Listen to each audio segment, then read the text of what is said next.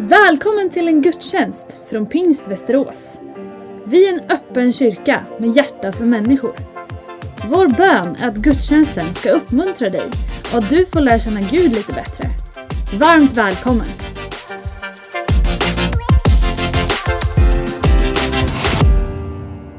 Ska vi stå upp tillsammans? Tack Jesus. Herren är här.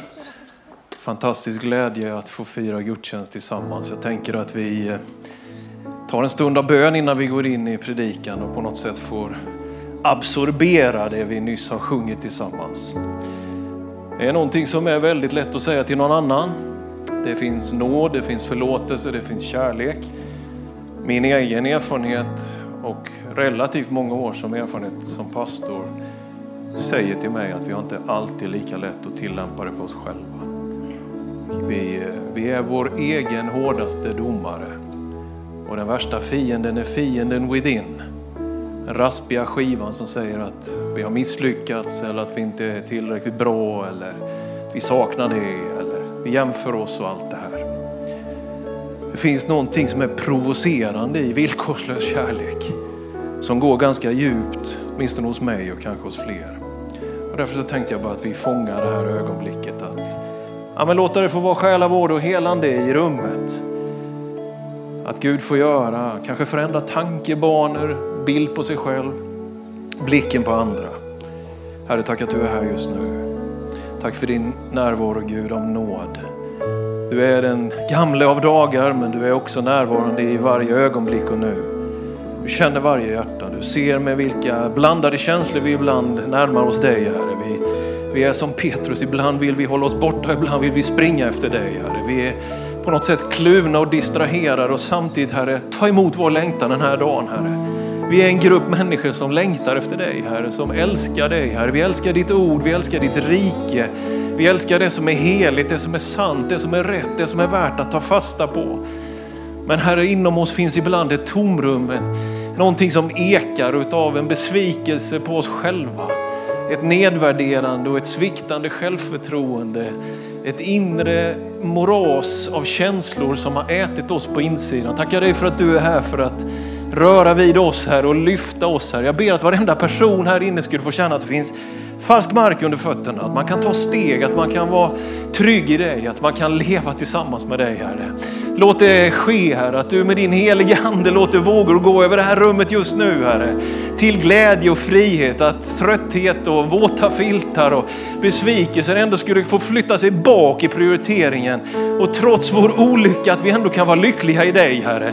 Trots våra misslyckanden kan vi ändå ha en glädje att det finns någonting som hela tiden genom allt, trots allt, i allt bär din kärlek. Herre. Din kärlek är pilkor.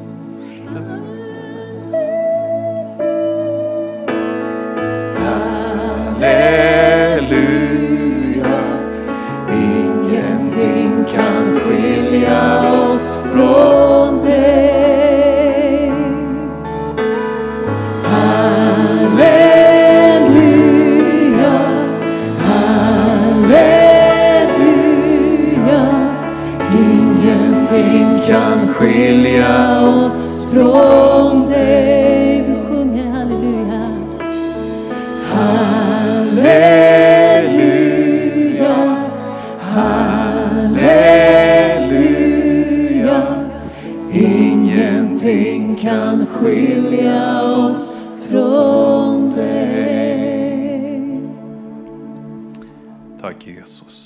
Vi står så läser vi dagens bibelord från Markus 7 och från vers 31. Vi är i en serie om kraft och kyrka och vi läser texter från Markus evangeliet. Vi läser i tro på Guds ord i Jesu namn.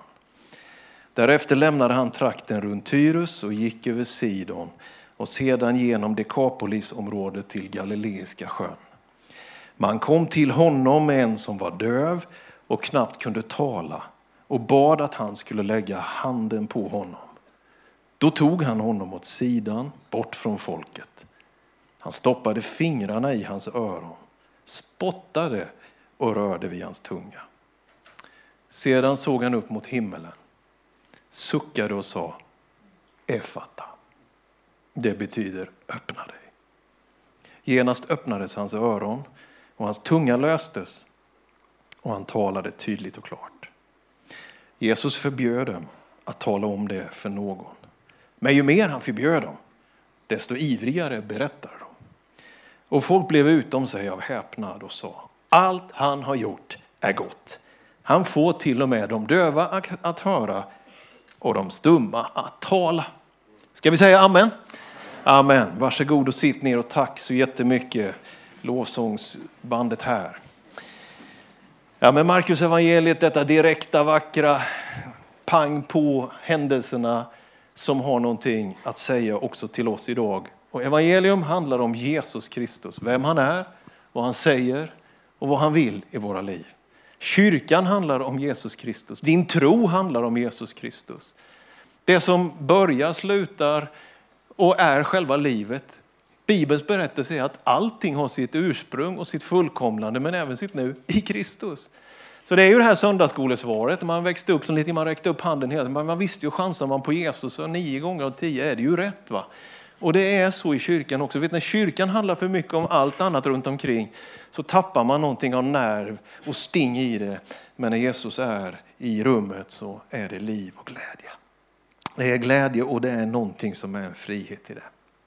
Så i den här texten som vi ska gräva i lite grann idag och titta på så sker ju ett av många mirakler.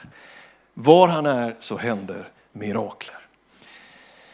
Ja, det är ju en person här som, som ju är döv och som är i stort sett stum. Han kunde knappt tala. Och, och, utan att vara medicine doktor så kan man konstatera att om man inte hör så är det ju svårare att tala. Såklart har ju detta med vartannat att göra. Det man hör och det man säger, såklart finns det en koppling i detta. Och det tror jag det gör även i vår tro. Så Jesus han rör sig i de här områdena som är icke-judiskt område, takten runt Tyros, över Sidon, genom Dekapolisområdet. Allt det där är egentligen områden där judarna inte bodde vid den här tiden, men det är deras grannar. Och Jesus rör sig bland grannarna. Och Jesus rör sig hela tiden. Och så är det också idag. Jesus han har intresse av människor som inte är här. Han har intresse av människor som vandrar långt borta ifrån honom. Det ligger på Jesu hjärta att hela tiden söka kontakt med nya. Jag tror inte vi alltid orkar med nya människor, i alla fall gör inte jag det. Utan man har en begränsning i detta. För honom finns inga sådana begränsningar. Det finns ingen som är i vägen. Han är extremt tålmodig i evangeliernas berättelse. Och han har hela tiden den här möjligheten att kunna se individer. Det är väl någon slags gudomlig kompetens ändå. Att orka se alla och ändå kunna ägna sig åt individen. Och jag tror att många av oss ändå, vi kommer till en sån här gudstjänst. Vi lever våra liv i någon slags törst och längtan efter att bli sedd, att bli hörd, att bli bekräftad. Och det är helt okej okay att vara här med den längtan också idag. Jesus är här och vi tror att han ser dig. Vi tror att det finns någonting som är berättelserna genom de här fyra evangelierna som bevisar detta att Gud i Kristus, han, han har det här unika intresset. Vi blir inte behandlade som en oformlig massa konturlösa gråa ansikten utan han känner varje människa vid namn och vid behov. Och det finns någonting vackert i att bara grundläggande påminna sig om det. Att Jesus ser dig och bryr sig om dig. Och man kom till honom här med en som var döv och knappt kunde tala och bad att han skulle lägga handen på honom. Du vet, det är standardbehandlingen i kyrkan när vi ber för sjuka och när vi avskiljer ledare. Vi lägger handen. Och ofta så lägger vi den på axeln. Så vi är, vi är en städad kristen kyrka vill jag påstå. Nu är det så att den här texten är lite annorlunda i hur pass städad Jesus egentligen är när han behandlar och bemöter den här personen. För som vi läste så är det ju något annat som händer här. Som man får säga är något excentriskt. Och jag tror att många av oss svenskar skulle ha rätt så svårt att, om vi till exempel bjuder in till förbön här mot slutet av gudstjänsten och så säger vi till alla, räck ut tungan så kommer förebedjaren att lägga sin hand på er tunga och be för er. Innan det kommer de ha spottat i sin egen hand för att sen be och då kommer du få ett nytt språk. Vilka kommer fram här? ABB-ingenjörerna kommer först tänker jag. Nej, jag vet inte om de gör det. Jag är nästan rädd att det blir lite trögt i mötet här. va. Men det är ju faktiskt det som händer här. Det är en så märklig grej som ju är svår. Va? Om någon skulle säga så här, du vet i en del historiska kyrkor, östliga kyrkor, så har man ju fotatvagning. Och det, det, är fint, det är ju nytestamentligt. Jesus tvättar lärjungarnas fötter. Och om man skulle tillföra det här, så jag skulle kunna tänka mig att tvätta dina fötter. Jag tror faktiskt det. Men, men att någon skulle tvätta mina fötter, det, kommer jag, det tror jag typ aldrig. Inte för att jag har Ja, jag har väldigt fula fötter tycker jag själv, så det, det, är också en del av det hela. Men, men alltså det här att någon skulle tvätta, tänk dig den tanken själv. För många av oss tror jag det är lättare att tänka att tvätta någon annans fötter än att bli tvättad. Jag vet inte. Jag har i alla fall svårt med den tanken. Här är en interaktion mellan Jesus, Guds son, han som liksom spänner över allting och en stackare. En interaktion och en dialog också med lärjungarna som ju är så annorlunda. Som är så på något sätt för oss egentligen jättesvår att komma ihåg och på riktigt förstå och tänka, vad fin du är Jesus. Du spottar i näven, ja det spotta i näven det är ett bra talesätt förresten. Det är någon som gör något och det är det Jesus gör här. Det är så annorlunda det här. Läste mig till någonstans att muntorrhet, det är ju inte det, är ju inte det enklaste. Är man torr i munnen så är det lättare att få karies, man får hål i tänderna lättare. Det, det, det, blir svårare att tala och det blir svårare att svälja maten. Det är på inget sätt bra att ha en torr munhåla. Finns det någon här som har erfarenhet av det så tror jag att du skulle kunna liksom berätta om att så är det verkligen. Det här är inte så enkelt. Jag minns som liten grabb, jag fick operera bort mina polyper. När jag växte upp, och jag minns inte hur gammal jag var, men jag vaknade ju natt efter natt och hela min munhåla var helt uttorkad. En fruktansvärd upplevelse, jag kunde inte röra tungan. Så natt efter natt så var jag tvungen att bara kuta upp och in under kranen och försöka på något sätt få igång det där.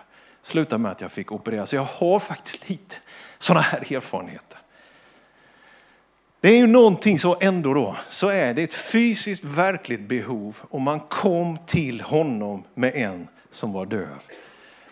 Och jag tänker att Ja, men det är ju, vi har en fin sjukvård och vi ska respektera den, vi ska använda den. Det finns tragiska exempel i kristenheten där man ska be för sjuka och så säger man att då behöver du inte ta dina mediciner, då ska du inte gå på läkarkontroll. Bort det, allt sånt är kvacksalveri. Fysiskt helande för, genom förbön för sjuka motsäger på inget sätt helande genom sjukvården. Vi har änglar klädda i vitt och det finns flera här inne som jobbar i sjukvården. Eh, det är, en förvriden tolkning av, av Jesu helande kraft, att man skulle liksom utmana ödet på det sättet och på felaktigt sätt pröva Gud. Utan det finns någonting som är en harmoni av fysiskt, själsligt, andligt helande som kan komma till oss på olika sätt. En del av det helande skulle kunna komma till en och annan av oss om man fick lite ordning på rutiner och åt på lite mer bestämda tider. Kanske inte bara åt av det utan åt lite mer av det och så vidare. Vi vet att det är en helhet som gör att vi mår bättre. Men det är också en verklighet att Jesus gör mirakler. Att han griper in och gör det som är omöjligt för människor. Och det här är ju ett av de exemplen. Det finns en eh, fransk filosof som heter Pascal Brückner och han, han liksom har ju linat ut att modernitetens liksom krav på oss som bor i västerlandet, det är att man ska vara lycklig. Det är liksom det som är din plikt, säger den här mannen. Din plikt är att du ska vara glad. Det är det du bör leva Du har, med möjligheten till hälsa, med möjligheten till utbildning, ett, ett gott liv. Du ska vara glad. Det är din plikt att vara en lycklig människa. Det är den liksom sekulära modernitetens krav på dig och mig. Vi borde vara gladare. Och så vet vi ju att det skenar med något helt annat. Det är på inget sätt så att växande materiellt välstånd alltid har en naturlig följd av att vi blir gladare. Det är inte alltid ens säkert så att bara för att vi kommer i en bättre situation på något område så blir det självklart så att vi blir gladare. Man kan ha det bra och vara djupt olycklig. Man kan vara misslyckad i andra människors ögon men ändå bära en lycka på insidan. Många av oss har besökt sammanhang där vi tycker att de har det illa ställt, men de är så glada och de är så gästfria. Som har varit i sammanhang där det finns allting och det är svårt att tänka ut. De är gnidna, torra, dryga människor som aldrig bjuder på något utan bara suger åt sig och vill ha ännu mer. Hur mycket kräver det för att du ska bli lycklig bara en dollar till och ta den ur tiggarens hand? Alltså vi vet ju att det som världen värderar som lycka och hälsa inte alltid leder till att man blir lycklig. Eller hur? Det är det som är min poäng. Medan det är ibland människor som är under väldigt tuffa omständigheter ändå kan känna någon slags tillfredsställelse och grundglädje i livet. Så även om du själv skulle tycka, eller andra skulle säga att du är misslyckad, så betyder det inte att vägen till lycka är stängd för dig. Även om du själv skulle ha begränsningar på något område så betyder inte det att den obegränsade guden inte kan göra någonting i ditt liv så att mitt i de omständigheter du har så finns det ändå en möjlighet att leva i frihet och glädje. Man kom till honom. Det är alltså Jesus som, som, som vanligt är game changer. Får han vara med i ekvationen? Det är inte fel med allt runt omkring, men man kan också komma till Jesus. Har du bett till Gud innan du pratade? Har du bett till Gud innan du tog ditt beslut? Har du bett till Gud innan du agerade? Man kom till honom. Låt oss gå den upptrampade evangelievägen. Hur du än har det, vad du än har bakom dig, be en bön till Jesus. När du vaknar på morgonen, när du lägger dig på kvällen. Tacka honom, fråga honom. Jesus, hjälp mig. Jesus, led mig. Du kan leva det här enkla vardagliga livet med honom. Och du ska få se att han ska leda dig och hjälpa dig. Man kom till honom med en som var döv. Då tog han honom åt sidan bort ifrån folket. Här verkar det som att det växer upp en scen. Här verkar det som att nu är det ett intresse. Vad ska hända nu? Och Jesus har inte intresse att använda människors behov för att plocka poänger. Han gör inte det. Han ger inte i kollekten för att någon annan ska se det. Han helar inte en sjuk för att vi alla på det sättet ska vara med och bli bländade. Utan det är ett väldigt fokus på det verkliga behovet. Har du varit i miljöer där människor egentligen vill använda en grupp för att säga något annat? Har du känt någon gång i dialoger och meningsutbyte att egentligen så är det inte det här vi pratar om som vi pratar om, utan det som får oss att prata är andra drivkrafter och vi känner oss ibland utnyttjade. Vi blir brickor i spel, men med Jesus är det annorlunda. Det är inte så alltid med oss kristna. Det är inte så alltid att kyrkan är helt ogrumlad. Det kristna ibland, vi får erkänna att vi ibland frestas till schackdrag och taktik. Men det är underbart att få stå här och säga, med Jesus är det annorlunda. Jesus är fri ifrån alla liksom sådana positioneringar. Han är inte en taktiker, han bryr sig om varje människa. Han älskar varje människa. Han tar den här dövstumme mannen åt sidan. Och det är någonting vackert i det bemötandet som vi behöver påminna varandra om att Jesus respekterar integriteten. Jesus respekterar människans situation, människans utsatthet. Och även om vi läser om en berättelse som är då nästan markaber i tillvägagångssättet så finns ju ändå den här grundplattan av respekt för den här mannen. Han stoppar fingrarna i hans öron, märkligt. Detta att spotta i handen, röra vid hans tunga, visst är det så märkligt. Men den stora skillnaden är att han sen ser upp mot himmelen och han suckar. Och så säger han de här orden som förlöser och öppnar den här mannens tunga, att han kan höra och att han kan tala. Alltså det är egentligen mina på något sätt punkter här. Kom till honom. Se mot himmelen. Vet att han suckar för din utsatthet, för människors nöd. Och han ska säga sitt effata in i din situation. Han ska öppna det som är stängt. Han ska förvandla det som är fruset till att det får tina upp. Kom till honom och han lyfter oss upp emot himmelen. Det här ordet sucka, att det, det är som groaning på engelska. Det är någonting som finns i den beskrivningen som, som på något sätt ger uttryck för att Jesus känner fysiskt av hur illa den här mannen har det. Det som går in i honom, hans, det är alltså en, en empati eller ett emotionellt kapital eller förmåga från frälsaren. Så att när Markus skriver ner det så är det som att det, det, det kommer som suckar och i någon bibelöversättning så står det att Jesus stönar. Alltså han blir så berörd av den här enda personens utsatthet att inte kunna höra och därmed inte kunna tala sammanhängande. Så att det, det kommer i hjärtat på honom. Och Jag tycker det är så stort. Jag tycker det är fantastiskt att du också kan bli påmind en söndag som den här. Att Jesus är vid din sida. Att Jesus ser, att han inte fördömer. Att Jesus suckar med det som är oförlöst inom dig och mig. Det som är vår längtan. Det som är våra sjukdomar. Det som är våra nedfall och besvikelse. Så finns det en identifikation att han inte tittar ner och säger vad var det jag sa. Utan att han identifierar sig så med mänsklig smärta och utsatthet. Jag tänker att det här är ett hoppfullt budskap som skulle behövas i en tid av distraktioner, i en tid av väldigt mycket psykisk ohälsa, där vi har det på ett sätt bra men ändå knappt vet varför ska jag gå upp på morgnarna.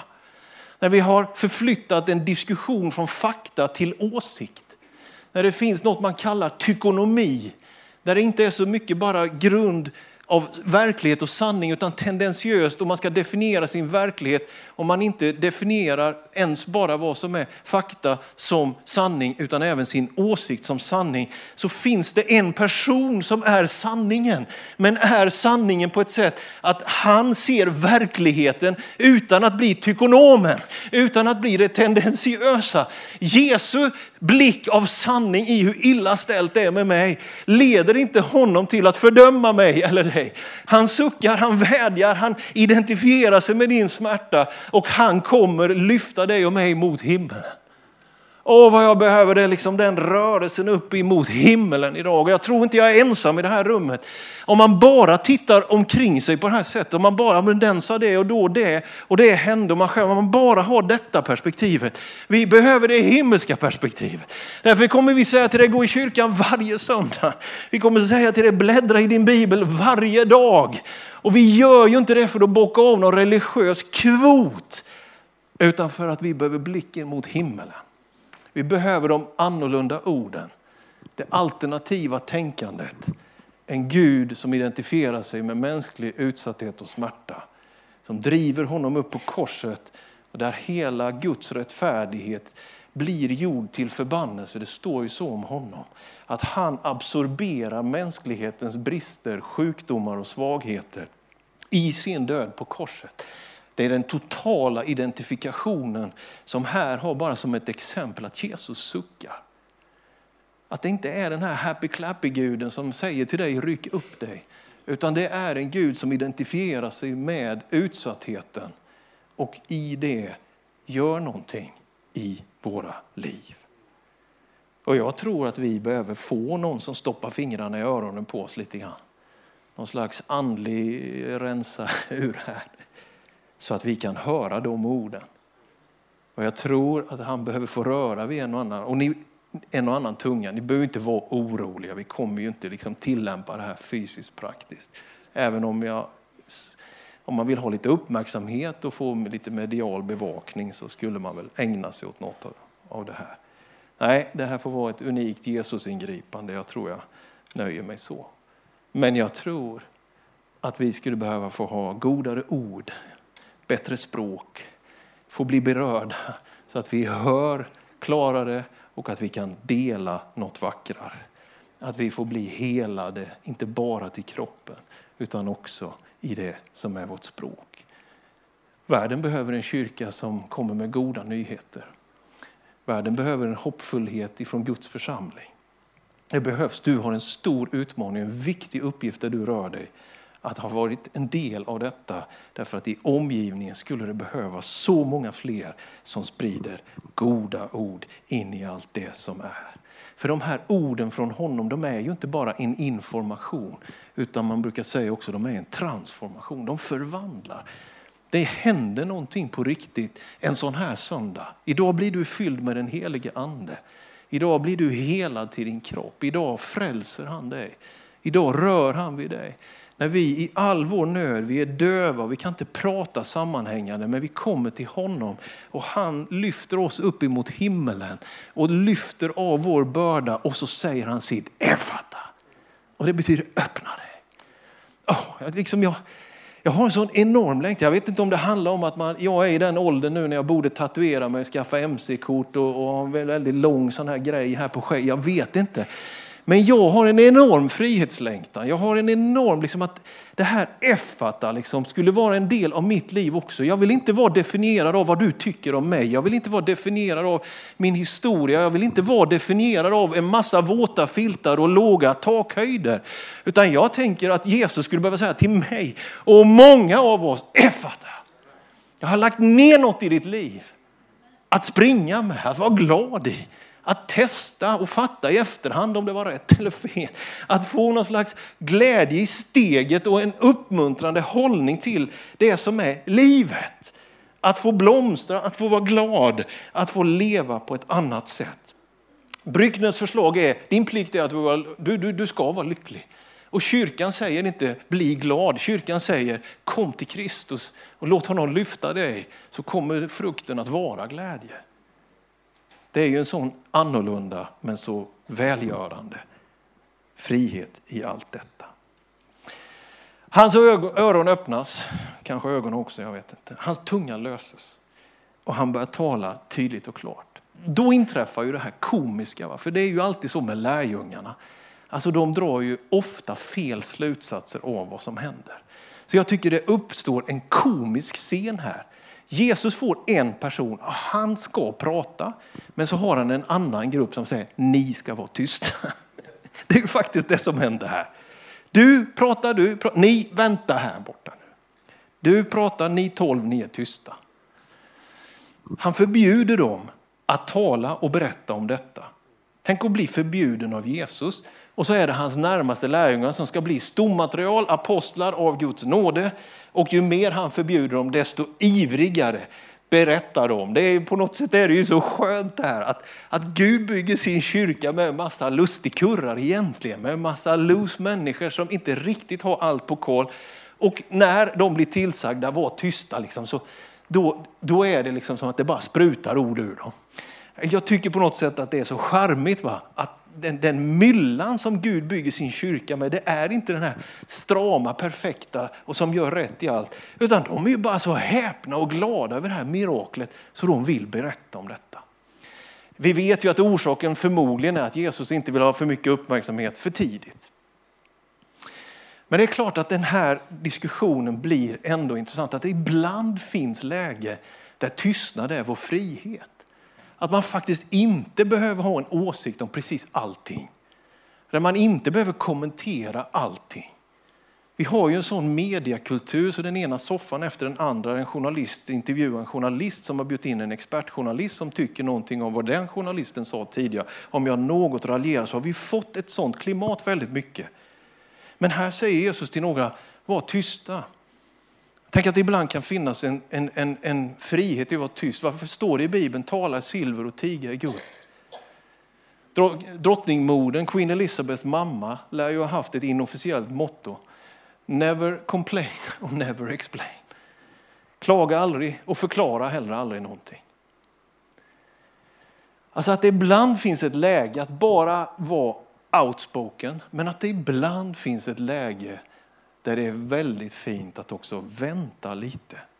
Att inte fälla förtida domar. Ta det lite lugnt. Vi har något snabbt i kommenterandet som ibland också sargar oss. Där, där det klickande och snabba också har gjort att eftertänksamheten ibland kanske inte är så stor. Och därför leder det till att det urholkar och vi försöker få uppmärksamhet och vi blir bara mer ledsna för vi fick kanske inte det vi önskade. Jag har ju vuxit upp med en pappa. Han var äldst i min lilla hemförsamling. Han har påverkat mig väldigt mycket.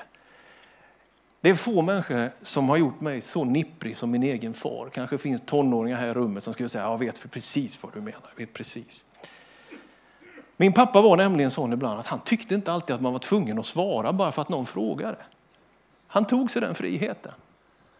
Han tyckte inte det var en självklarhet. Bara för att du frågar så måste jag svara.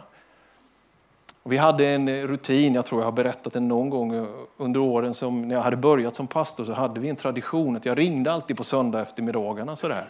Och hälsningsfrasen var aldrig liksom hej eller så, utan hälsningsfrasen var vad blev det i kollekten? Frågade jag alltid, för han var kassör i min hemförsamling. Så vi sa aldrig hej, jag sa bara vad blev det i kollekten? Och han svarade, aldrig någonsin fick jag den siffran. Inte en enda gång, utan han hade förberett ett helt annat svar. Vad jag försöker att säga är att när Jesus får en att tala och förbjuder dem att tala så uppstår någon slags intressant mekanism. Att det finns ibland läge för ord och ibland en tid för tystnad. Det finns ibland en tid för att vara outspoken. Det finns ibland en tid för eftertänksamhet och att vänta lite grann. Det är inte fel att ibland också vara den som absorberar och fångar upp. Det är dock inte heller alltid rätt. Men det finns ett behov att vara ledd av Gud och vis på det här sättet. En vislighet som man skulle önska i många rum och även i sitt eget liv. Jesus förbjöd dem att tala om det för någon. Men ju mer han förbjöd dem, desto ivrigare berättade de. Folk blev utan sig av häpnad och så landade upp i detta. Allt han har gjort är gott. När, när vi står inför Gud, när vi ber tillsammans, så är det fint att påminna sig om att det han gör, det är något vi kan lita på. Det är substantiellt, det är hållbart, det är bestående, det är evigt, det är någonting gott. Om det är ett märkligt tillvägagångssätt som man inte riktigt förstår och petar i öron och på tungor och sådär, så handlar det om att lita på honom. Och att han faktiskt kan ge de impulserna när vi ska tala, när vi ska vänta. När det finns någonting som öppnar upp och det finns någonting som också har sin tid av att mogna i det lite mer stilla. Han får till och med de döva att höra och de stumma att tala. Hur är det nu då idag? Hur når evangeliet ut? Blir sjuka friska? Sker det någon gång mirakler? I veckan som gick här, så dagen efter drottningbegravningen i London, så var jag i ett videomöte med en, en kollega till mig. Han leder Assemblies of God i Storbritannien. Och han var med på den här begravningen, drottningbegravningen. Och han satt precis bakom ärkebiskopen av Canterbury. Så de var en del kyrkoledare inbjudna och de var med på detta. Och då berättade Glenn Barrett, som han heter, berättade han för mig att han hade pratat med ärkebiskopen av Canterbury, den anglikanske Justin Welby, dagen före begravningen och frågat honom vad, vad kommer du att göra nu? Vad kommer hända på den här begravningen? Och då säger ärkebiskopen, eh, I will preach Jesus. Jag kommer att predika Kristus. vet, en sorg, en, en, eh, en monark som går ur tiden efter enormt lång regeringstid så uppstår den här begravningen och i det som är sorg och tårar så finns det ett budskap som har gått ut och faktiskt kan du höra en häpnande siffra. Då, bara dagen efter, var det över 5 miljarder människor som hade tagit del av den här begravningsgudstjänsten och det är budskapet om Jesus. Så år 2022, mitt i det som är uppgivenhet, sorg, att saker och ting försvinner som vi har kunnat lita på, så finns det någonting som bryter fram och människor får höra ett gott ord om Jesus. För bara någon vecka sedan så blev jag informerad om ett fysiskt under som har skett och tyvärr lite svårt att sätta och berätta och så här ut i någonting som läggs på nätet och allt detta. Men det finns någonting så vackert som sker i att få komma nära Jesus. Att få vara där han är. Kom till honom. Låt honom få röra vid din situation, om det så är hörsel eller tale. Han kommer att inte fördöma dig. Han suckar med dig och han lyfter blicken mot himmelen. Och han kommer säga sitt effata. Och någonting kan öppna sig. Detta är evangelium. Detta är grundläggande basalt. Men i en tid när åsikten upphöjs över livet så behöver vi återta källorna av att gå med honom, lyssna till honom, vandra med honom. En kyrka har inte som uppgift att producera åsikter. har inte som uppgift att ta en mängd ställningstaganden. Listorna tar aldrig slut. Till slut när kvällen kommer så är vår tro inte ett knippe uppfattningar utan en vandring med Jesus. Som själv är sanningen. Som själv öppnar våra öron så vi hör de rätta orden och kan tala tydligt och klart. Självklart är det så. Lovat vare Herrens namn. Du har inget krav på dig från Gud. Du måste vara lycklig. Du får komma hit trött, uppgiven, desillusionerad, frustrerad. Men jag vill ändå rekommendera dig att vara med Jesus och ta emot den glädje som bara han kan ge. Ska vi säga amen. Vi kan stå upp tillsammans. Så är vi i förbön och det finns en möjlighet att eh, få ta del av det tillsammans med våra förebedjare här nere på höger sida. Och ta gärna det tillfället, få prata med någon, växla några ord och få, få, få ta emot vägledning. Du kanske vill bestämma dig, komma till tro på Kristus eller har något behov på något område, så, så ta del av det. Jesus, jag tackar dig för att du är här just nu, Herre. Vi tackar dig för ditt ord, Herre, att ditt berörande av människor är på riktigt en verklighet. Att du, Herre, ser individer, att människor fick komma till dig, att det fanns en sån glädje i det som är, Herre. Att du rörde vid den här mannen, Herre. Tack att du rör vid människor idag, Herre. Jesus, jag ber att människor i det här rummet ska få känna av att du så att säga suckar tillsammans med dem, Herre, i det som är deras vånda, det som är besvikelser, Kanske man sitter fast i relationer, sitter fast i något som inte blev vad det skulle. Egna besvikelser, besvikelser på andra. Tack att det finns som en, ja men ändå en schysst suck ifrån dig här. Att du ser det som blir vår tystnad, det som blir vår begränsning, det som är vår dövhet och vår stumhet Herre. Säg ditt effata Herre. Att vi kan få se något öppnas, att vi kan få se något förvandlas Herre. Säg ditt effata. Rör vid våra öron, rör vid vår tunga, Herre. Jesus, jag tackar dig. Jag prisar dig, jag lovar dig. Tack att du är här just nu, Herre. Tack för din godhet och tack för din nåd. Jesus, tack att vi också får be om att få vara den där Kristus gemenskapen, Herre. När det bara plingar en mängd åsikter så ber jag att vi skulle kunna ändå vara något annorlunda. För människors skull, för världens skull, för rikets skull, Herre. Tack Jesus för din godhet. Vi prisar dig. Du har lyssnat på en gudstjänst från Pingst Västerås. Har du frågor om församlingen eller vill veta mer om kristen tro kan du gå in på vår hemsida vasteras.pingst.se Varje söndag firar vi gudstjänst tillsammans klockan 10.30. Välkommen att vara med via webben. Sök efter vår Youtube-kanal Pingst Västerås så hittar du livesändningen.